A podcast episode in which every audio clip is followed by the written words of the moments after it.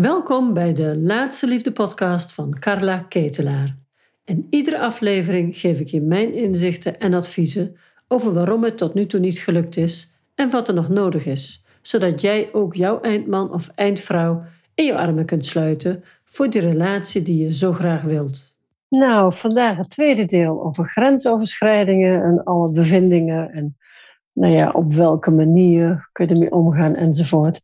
Vorige keer uh, was deel 1, dus als je denkt, waar val ik nu middenin? Luister dan deel 1 ook nog eventjes. Uh, vandaag ga ik verder en leg ik nog meer, weer meer uit over grensoverschrijdingen. Nou, grensoverschrijdend gedrag met kinderen. Daar zijn soms hele moeilijke gesprekken voor nodig. En is het nodig om oude patronen los te laten en te kijken wat jij nodig hebt om dus het leven te kunnen leiden. Ja, wat jij nodig hebt om goed te leven. Dus ik zou zeggen, kom uit je slachtofferrol en ga in actie. Nou, we gaan maar even concreet worden. Ik vind het zelf altijd het fijnste. Uh, je hebt een puberzoon, je hebt drie goede vrienden en lekker iedere avond zitten bij jou samen op de bank te chillen. En als je het niet wil, en dat, zie je aan, en jij denkt, ja, ik wil ook wel eens even mijn eigen serie kijken zonder al het volk in huis. Maar ja, als jij het niet zegt, dan weet hij niet beter en dan blijft hij dat gewoon doen. En als je het niet wilt, dan zeg je tegen je zoon, je, met je vrienden kan je, of je kan één avond of twee avonden in de week hier komen, prima. Wil je meer, dan ga je lekker op je kamer zitten. Dan regelen ze daar wel een tv of een computer. En eventueel een bank, anders gaan ze maar op het bed zitten.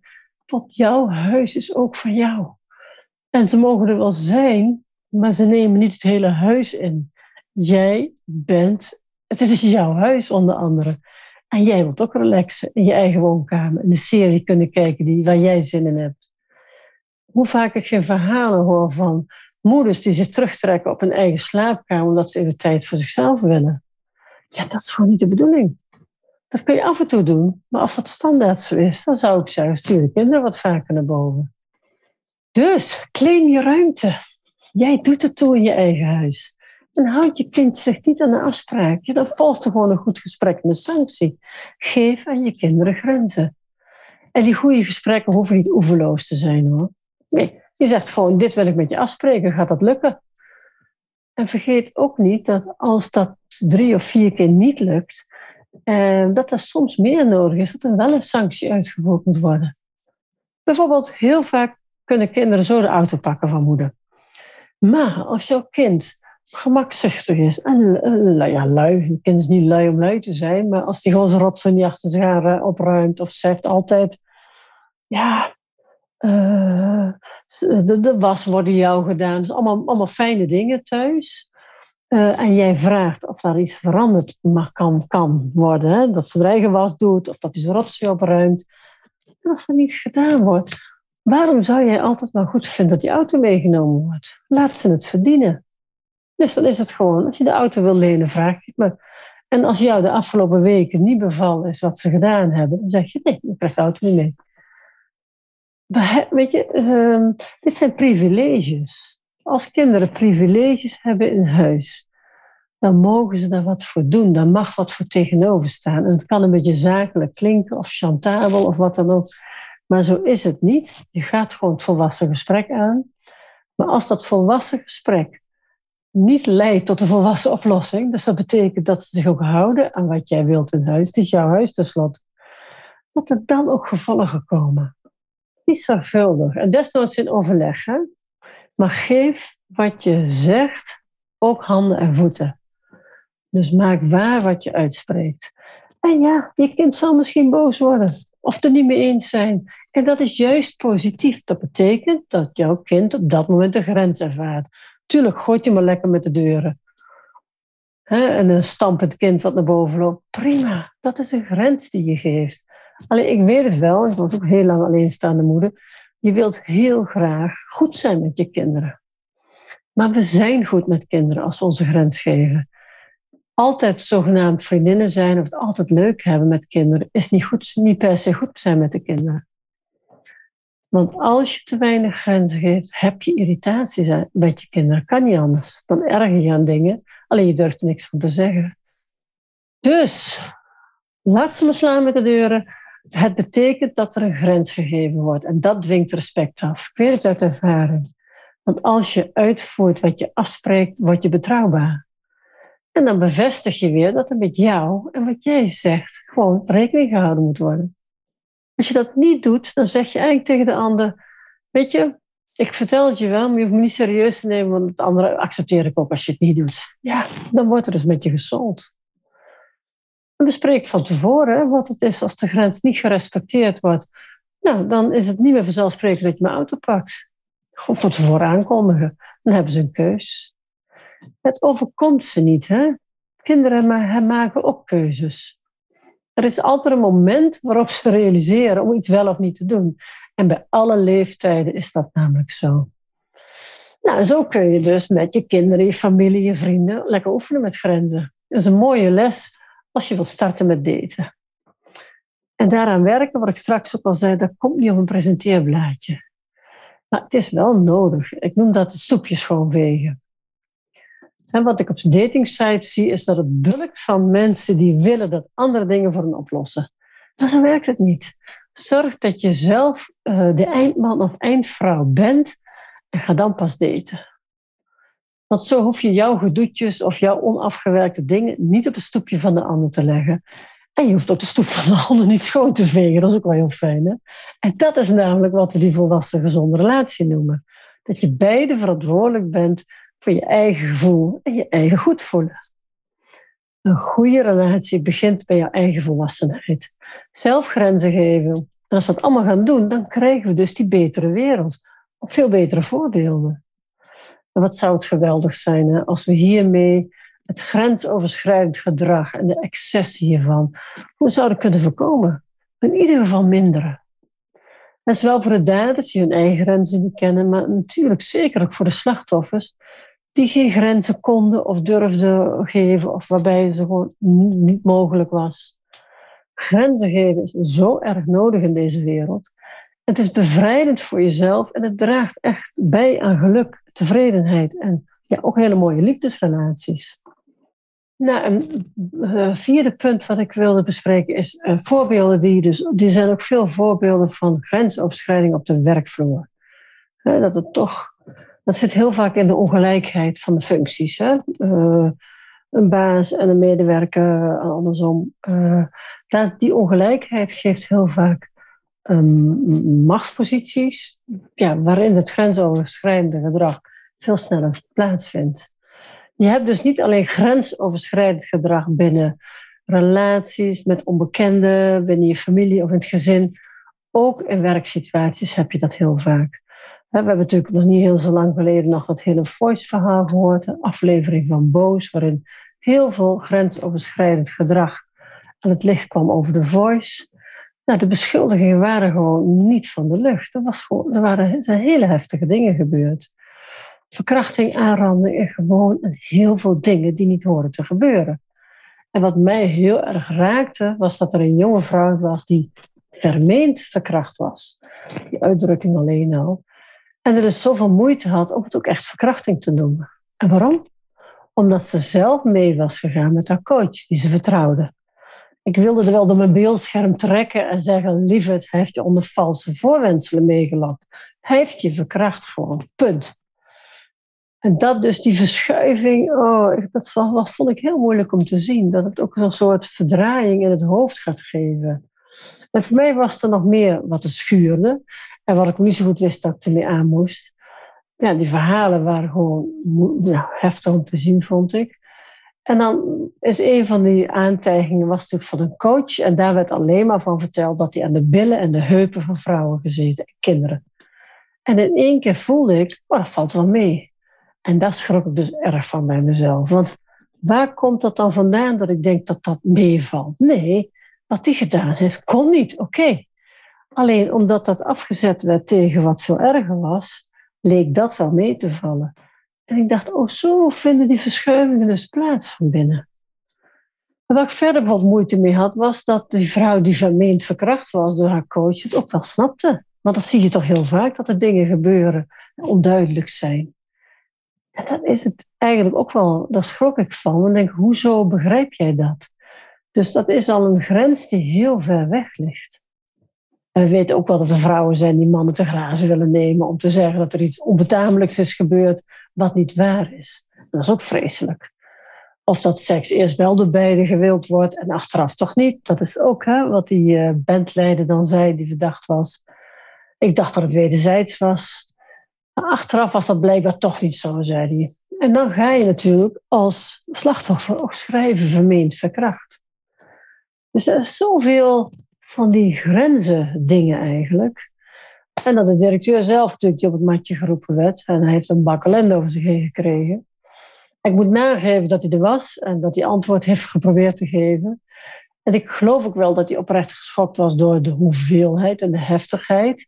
Alleen geloof ik persoonlijk niet dat je niet op de hoogte bent als je de directeur bent en dat er dus blijkbaar een machtscultuur in je eigen bedrijf is. Hoe geef je dan zelf leiding? En waar een machtscultuur is, vindt altijd intimidatie en manipulatie plaats. En dan heb je dit soort vreselijke gebeurtenissen als uitwas. Ja, en toen kwam die laatste vraag natuurlijk, terwijl het interview al bijna voorbij was, waarop hij mocht vertellen wat hij tegen de slachtoffers wilde zeggen.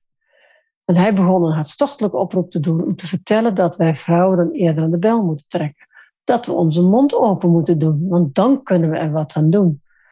Ja, en dan wringt daar de schoen, hè? Want dan begrijp je het niet. Dat als je als vrouw vertelt wat er gebeurd is, dat je dan ook direct in een zeer pijnlijk proces komt. En zoals dat werd natuurlijk ook tegen de slachtoffers gezet door een coach. Het is jouw woord tegen het mijne. Ze geloven jou toch niet. En dat is dus dat, dat enorme, ja, die machtspositie, hè, die dat heel erg oproept. Bepaalde belangen, je wilt niet uit het programma gegooid worden. Uh, het waren op zich, vind ik, hele jonge vrouwen die dan in één keer in dat, in dat stuk terechtkomen. En denk, ja, ik vond het heel ingewikkeld. Ik vond het zo uh, pijnlijk, pijnlijk om te zien. En wat ik dus ook meemaakte, ik ging, ik ging zelf zo twijfelen. Ik heb altijd een heel goed gevoel gehad bij die coaches. Ik dacht, oh, wat leuk hoe ze dat doen. En in één keer dacht ik van, hè, dat, dat dat niet, dat dat dus zo moeilijk, dat, dat vertrouwen dus zo beschaamd werd. Als ik als volwassen vrouw het al heb, hoe moet je dat als je heel jong bent dan ervaren? En vlak daarna was het dus, hè, ze hadden als opvulsel voor de Voice, hadden ze dan een nieuw programma uh, I Can See Your Voice of zo. Winnen van een grappig zangprogramma. En daar zaten dus de Hollandse vaders uh, Jan Smit en Danny de Munk. En ik voelde meteen, oh, ze hebben de betrouwbaarste mannen erbij gehaald, zo om dat allemaal weer een beetje te kalmeren. En toen dacht ik, wat als er binnenkort nou over die mannen iets gezegd gaat worden? Dan kan ik me dat bijna niet voorstellen, maar dat kon ik van de eerste coaches ook niet. Nou, ik raak er helemaal in mijn eigen verhaal van. Het heeft me zeer geraakt, dat hoor je wel. En ik denk met mij heel veel vrouwen, omdat er een ongelijkheid lijkt te zitten. En we kunnen de wereld niet veranderen, maar we kunnen alleen maar zorgen dat we heel helder worden in wat we wel en niet willen. En dat leren wij onze zoons, dat leren we onze dochters. Onze zoons leren we dat door te zeggen dat jouw mening, dat ze respect voor jou als moeder hebben, en onze dochters leren we hoe we, kunnen het voorleven. Dus geen beschuldigingen niemand, maar waar kunnen we zelf aan dit afschuwelijke stuk bijdragen om het een beetje beter te maken? Nou, grenzen geven kun je leren. Hè? Ook, ook in het daten. Dat is heel belangrijk. Daarvoor is natuurlijk, ja, gaat mijn hele verhaal altijd van hoe kan je het voor jezelf veilig maken in het daten, maar ook hoe krijg je een gezonde relatie? Nou, wat is dan een soort van oplossing voor grensoverschrijdend gedrag? Wij hoeven als vrouwen geen bewijs te hebben, want de kans dat je niet gelooft wordt is toch groot. Dus als je dit wil veranderen, gaat het er heel erg over dat je begint bij jezelf. Wat wil ik wel, wat wil ik niet? De oplossing voor grensoverschrijdend gedrag, ja, ik heb geen wereldoplossing. Het is natuurlijk een diep geworteld wereldprobleem, seksongelijkheid. Maar laten we ook niet vergeten dat het grootste deel van de mannen het net zo afschuwelijk vindt als wij de vrouwen dit vinden. Er zijn gelukkig meer mannen en vrouwen die respectvol met elkaar omgaan dan niet. En daar zit dus de kern voor mij. Hoe selecteer je de mannen, die, de gezonde, de aardige, de vriendelijke, de goede mannen, die, die normale grenzen respecteren? wanneer gaat er een, een alarmbel rinkelen bij je en wanneer niet? Dus, dus zonder dat we de hele wereld hoeven te veranderen. En we gaan even terug naar een kleine stukje dat jij een gezonde relatie wil en geen gevaar wilt lopen. Um, zorg dat je dan zelf je grenzen duidelijk hebt en laat ze niet vervagen. Nou, dat is wel leuk bedacht van mij, maar hoe dan? Nou, hoe gaan we dat doen? Nou, wat als je nou tijdens het daten gebeurt? Hè? Wat ik al zei, seksueel grensoverschrijdend gedrag komt altijd voort uit ongelijkheid. Een niet gelijkwaardig contact. Een leeftijdsverschil, een positieverschil. Uh, nou, binnen het daten is dit dus eigenlijk niet zo. Binnen daten ben je twee gelijkwaardige partners. Uh, nou, leeftijdsverschil zal meestal wel meevallen. Hè, je bent geen, geen twintiger die met een vijftiger aan date is. Bijvoorbeeld dat, dat soort dingen komen echt sporadisch voor. Dus de leeftijd ligt meestal wel een beetje bij elkaar. Uh, je zoekt een partner. Je bent gelijkwaardig in die zin. Dus binnen het daten ben je in principe gelijkwaardig en volwassen onder elkaar. Maar dan gaat het er dus om, hoe herken je de ander zijn bedoelingen? En er is in mijn ogen heel veel te voorkomen als het over seksueel grens of gedrag gaat tussen volwassenen met het daten. En dat begint meestal al voor de eerste daadwerkelijke afspraak. De live afspraak heb ik het over. Hoe is het contact al voor die tijd? Welke berichtjes ontvang je? Wat is de toon? Zijn er seksuele toespelingen? Zogenaamde grapjes die gewoon niet leuk zijn? En wat is dan grenzen stellen daarin? Nou, ik ga een heel praktisch voorbeeld geven. Ik sprak vorige week een vrouw uh, die een week met een man aan het appen was om een afspraak te plannen. Nou, dat kan nog, vind ik al veel, maar het kan nog, niks aan de hand. Maar waar het niet meer prima was, toen hij begon over haar borsten. Dit is gewoon ongepast als je iemand nog niet kent. Ik noem dat rode vlaggen. Dat is niet oké. Dat is niet respectvol. Direct afkappen. Gewoon, je hoeft niet uit te leggen. Nummer blokkeren. Uh, op de site blokkeren. Klaar ermee. Nou, haar antenne met grenzen geven was anders afgesteld en ze vond het niet zo'n probleem. En ze sprak met hem af en op de eerste date begon hij al uit het niets met haar te tongzoenen. Hè? Dat overviel er echt. Rode vlag.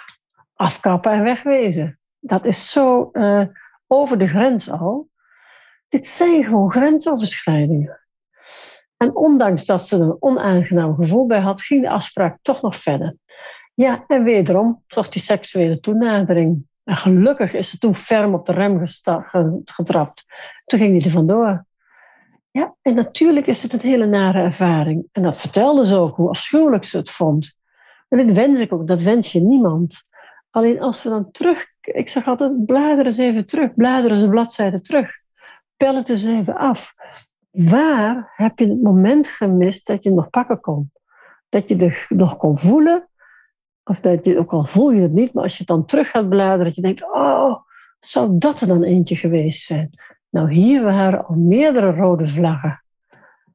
Hoe kon het nou toch gebeuren? Hoe kon het bij haar nou toch gebeuren? En hoe gebeurt het zo vaak?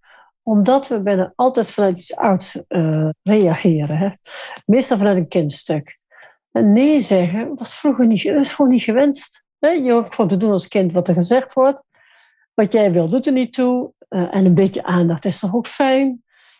Wat als ik niet mijn best doe? Hij ziet of hoort me echt. Nou, en zo zijn er nog meer gevoelens van een innerlijk kind. Dat je, als je echt aandacht tekort bent gekomen, of je bent eh, een kind van een groot gezin, of een hardwerkende vader of moeder, dominante vader of moeder, dan ben je een beetje geplet en dan heb je er niet zo toe gedaan.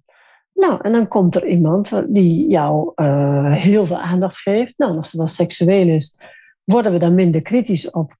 Omdat we een beetje aandacht fijn vinden, het niet altijd goed kunnen onderscheiden.